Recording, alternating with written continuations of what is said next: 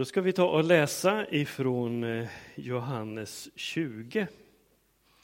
Och det här är en, en text som faktiskt ligger på, ska jag säga, på rätt söndag. Söndagen efter påsk, eller en vecka efter påsk. Det är det vi ska stanna inför. Men det börjar i förra söndagen. På kvällen samma dag, och det vill säga den dag då kvinnorna hade mött Jesus vid graven, den första i veckan, så satt lärjungarna bakom reglade dörrar av rädsla för judarna. Då kom Jesus och stod mitt ibland dem och sa till dem, frid åt er alla. Sen visade han dem sina händer och sin sida. Och lärjungarna blev glada när de såg Herren. Jesus sa till dem igen, frid åt er alla. Som Fadern har sänt mig sänder jag er. Och sen andades han på dem och sa, ta emot helig ande. Om ni förlåter någon hans synder så är de förlåtna. Och om ni binder någon i hans synder så är han bunden. En av de tolv, Thomas, som kallades Tvillingen, hade inte varit med när Jesus kom. De andra lärjungarna sa nu till honom, vi har sett Herren. Men han sa, om jag inte får se spikhålen i hans händer och sticka fingret i spikhålen och sticka handen i hans sida så tror jag det inte. En vecka senare var lärjungarna samlade igen och Thomas var med. Då kom Jesus, trots att dörrarna var reglade, och stod mitt ibland dem och sa Frid åt er alla. Därefter sa han till Thomas Räck hit ditt finger, här är mina händer. Räck ut din hand och stick den i min sida. Tvivla inte, utan tro. Då svarar Thomas, min Herre och min Gud. Och Jesus sa till honom, du tror därför att du har sett mig. Saliga de som inte har sett, men ändå tror. Också många tecken som inte har tagits med i den här boken gjorde Jesus i sina lärjungars åsyn.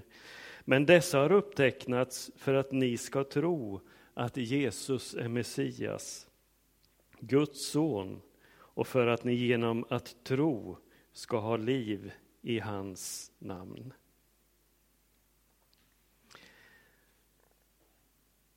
Vi ber att du öppnar ordet i våra sinnen, i våra hjärtan. Amen. En vecka efter påsk, och temat pekar inte på Jesus utan den pekar på lärjungarna. Påskens vittnen. Lite grann är det väl så att för att förstå det som händer här i de här texterna så behöver vi se något utav den resa som lärjungarna har gjort under de senaste tre och ett halvt åren ungefär för att förstå in i situationen. Och förstå fullt ut kanske vi inte ska räkna med att kunna göra. Men ändå. Tänk dig, Jesus kommer gående, bland annat vid stranden, och så säger han Kom och följ mig. Man är personligt utvald att följa Jesus. Har utvecklat en nära relation med honom. Inte bara sett vad han har gjort och hört vad han har sagt utan en nära relation. En förtroendefull relation har vuxit fram i förhållande till Jesus. Hans undervisning och hans liv, hela hans sätt att vara, har ju gett dem hopp, både för sitt liv, alltså den förändring man kanske längtar efter, men också inför framtiden. Och det hade ju vuxit fram en allt tydligare bild för lärjungarna vem Jesus var och vad han stod för genom hans undervisning och hans gärningar. De hade sett hans under. De hade själva varit utsända och gjort samma saker som Jesus gjorde. Och allt det Jesus sa och gjorde talade ju för att han skulle skapa ordning i Israel, i landet, i samhället. Lika väl som det var ett starkt hopp för deras eget liv. Och möjligen var det så att det här skulle spridas ut över hela världen. Alltså det, det är ju inga små förväntningar, ingen liten förhoppning eh, som man lever med. Och in i det sista, också i trädgården och ända upp på korset, så kanske man bar en förhoppning om att nu vänder det. Men nu var Jesus avrättad, uppenbarligen död och begravd.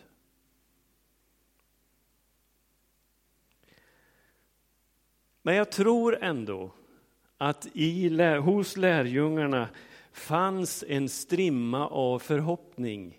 Kunde det vara möjligt att det faktiskt skulle ta slut? Det var ju inte det som vi hade trott. Det var ju ändå inte det som vi hade burit på. Och vi vet hur sorg och chock kan förändra vårt sätt att tänka, även om vi rent mentalt, tankemässigt känner till fakta. Men det är klart att det här var en väldigt, väldigt svår situation för lärjungarna. Men det är ju där man befinner sig.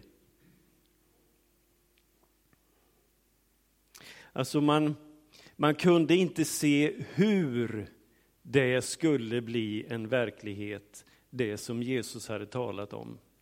Och är det inte så att alla problem som vi står i, så är frågan hur ska lösningen komma? Man kan ha en förhoppning om att det gör det, men hur ska det kunna eh, ske? Och I den här bibeltexten då så får vi följa en utav Jesu lärjungar fram till en tro som, eh, alltså till en övertygelse om vem Jesus är. Och det handlar om Thomas. Vem var han? Ja, vi får en ganska kort presentation av honom. Det står att han var en av de tolv. Och det innebär att det är den här resan som jag just har beskrivit som han har gjort. Men vi vet inget om hans härkomst, om hans, familj, hans familjeförhållanden eller eh, samhällsställning. Det finns inga sådana uppgifter. Vid ett par andra tillfällen så nämns han i evangelieberättelserna. Och utav de korta bitarna så, så kan man ändå förstå att han verkar vara en reflekterande och prövande person. Alltså han, han slängde sig inte bara iväg, utan han, han ville ha någonting fast att stå på. Alltså han arbetade och kämpade sig fram till visshet, men när han väl hade gjort det så visste han var han stod, och då stod han för det. Vid ett av de här tillfällena när, eh, när Thomas omtalas så är han beredd att följa Jesus till Jerusalem för att dö tillsammans med honom. Och jag tror inte det är ironi när han säger det, utan det var hans inställning till det. Den andra gången är ju när Jesus eh, talar om att han ska gå bort.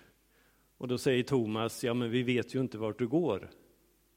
Och Jesus svarar, jag är vägen, sanningen och livet. Thomas var inte med första gången när lärjungarna mötte Jesus efter uppståndelsen. Alltså den första eh, första tillfället, där, första dagen. Han ifrågasätter inte de andras upplevelse, de andras möte med Jesus och deras vittnesbörd. Men han nöjde sig heller inte med det. För han säger, om jag inte får se, om jag inte får känna, då tror jag det inte. Det vill säga, då är jag färdig med det här vi har varit med om. Det står att det gick en hel vecka från lärjungarnas första möte med Jesus till den här gången när eh, Thomas var med. Vilken vecka Thomas ska ha haft då. Sju dagar. Vad tänker du om det? Ja, jag funderar på, har han kunnat sova överhuvudtaget? Började han planera för en annan framtid? Som en reservplan? Vågade han gå ut och träffa någon som han kände och som hade sett honom tillsammans med Jesus? Ja, det här berättar inte Bibeln någonting om, men vi kan bara ana hur den här veckan var för Thomas. Som hade älskat Jesus fram till döden. Men sen var han död. Men så var lärjungarna tillsammans igen och Thomas var med. Och Jesus kommer in i rummet och hälsar dem Shalom, frid åt er alla. Det måste ha varit helt enormt. Så underbart att igen höra Jesu röst och känna igen den. Och jag tänker att den frid som Jesus hälsar lärjungarna med, den sprider sig som en varm atmosfär i det här rummet. Jesus tittar sig omkring, möter säkert blicken på var och en utav dem som finns. Frid vare med dig. Och jag tänker att det händer någonting i varje lärjunge när Jesus hälsar dem, tittar på dem och hälsar. Så stannar han till vid Thomas. Jag vet inte om de andra lärjungarna hade berättat för Jesus vad, vad Thomas hade sagt. Förmodligen inte. Men Thomas, han möter Jesu blick. Under några sekunder tänker jag, de tittar på varandra. Och eh, så säger Jesus, här är mina händer. Ser du ärren? Känn på dem. Och Thomas känner fördjupningen i händerna efter spikarna. Här Thomas, känn ärren, ärret eh, i min sida efter spjutet. Jag tror såren var läkta, men du som har gått igenom en operation, du vet att ärren finns kvar. De går att känna. Och så var det också med Jesus. Och Jesus säger till honom, tvivla inte Thomas, utan tro. Tvivla inte, tro. Och Thomas får göra det som kvinnorna vid graven inte fick göra. Han får röra vid Jesus. Och det som nu händer inom Thomas, det förändrar allt för honom. Det förändrar hela hans liv. Det blir så mycket mer än en stundens upplevelse. Det blir till en insikt och en kraft som förändrar allt. Det, åren tillsammans med Jesus, kunskapen och erfarenheterna som låg bakom, det kopplas samman med nuet. och det får en djupare betydelse tillsammans med den framtid som Jesus har talat om. Allting liksom bara faller på plats och är. Och det som Jesus hade talat om, som Thomas hade tagit till sig, de andra lärjungarna hade tagit till sig, det är från och med nu helt möjligt. Thomas ger sitt gensvar, sin bekännelse och tillbedjan i orden Min Herre, min Gud.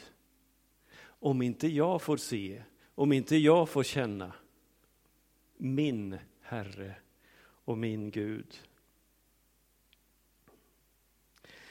Under 40 dagar så står det att Jesus visar sig och undervisar om Guds rike i samlingar med från några få personer till över 500 personer samtidigt. Jag tror det är första Korinthierbrevet som, som berättar om det här.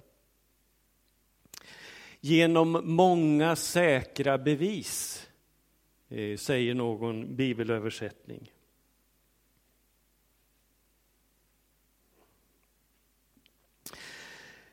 Själva essensen av den här bibeltexten det finns i de här orden som Jesus säger till Thomas. Du tror därför att du har sett mig, saliga de som inte har sett men ändå tror.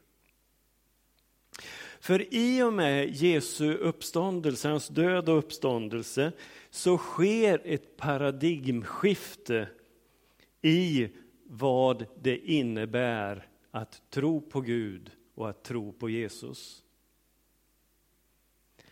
Saliga de som inte har sett men ändå tror.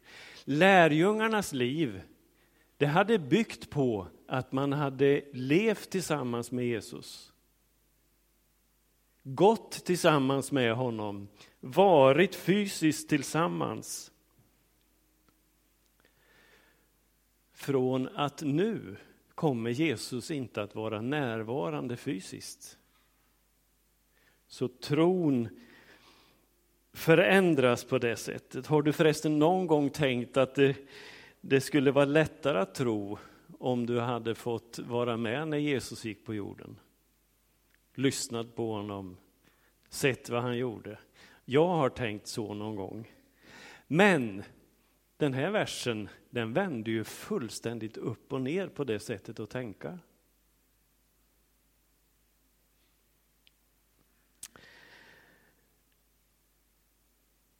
Alltså den tro som lärjungarna hade, den var framväxt genom att man gick tillsammans med Jesus. Men nu går tron in i en ny fas för lärjungarna och därmed alla tiders kristna där Jesu fysiska närvaro inte är det som bär, utan tro utan att se. Så när Jesus, som det ser ut, säger till Thomas här, saliga är de som tror utan att se, så är det ju till oss han säger det. De orden liksom flyter ut över hela jordklotet. För det lärjungarna var med om kommer inte att hända en gång till.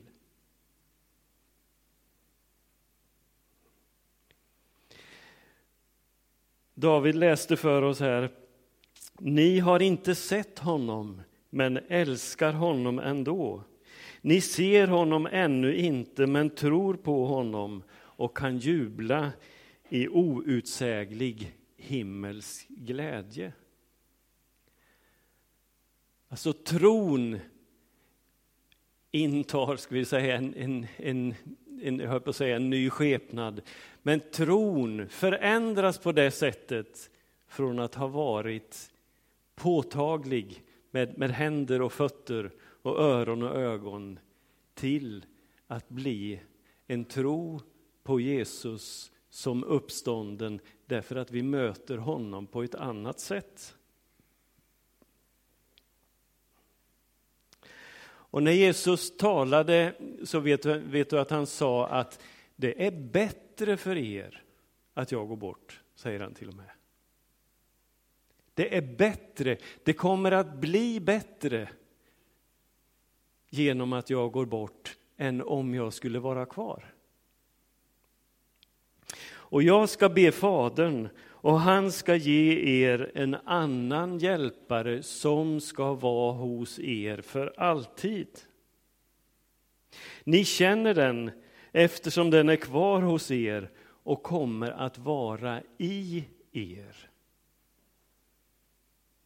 Alltså inte Jesus som fysisk person, utan anden kommer att vara i er. Ibland försöker vi ju förstå saker och ting på ett logiskt sätt. Och tron kan ju handla både om att hålla saker och ting för sant utan att förstå. Men ibland behöver också vi begripa tron, om vi säger så.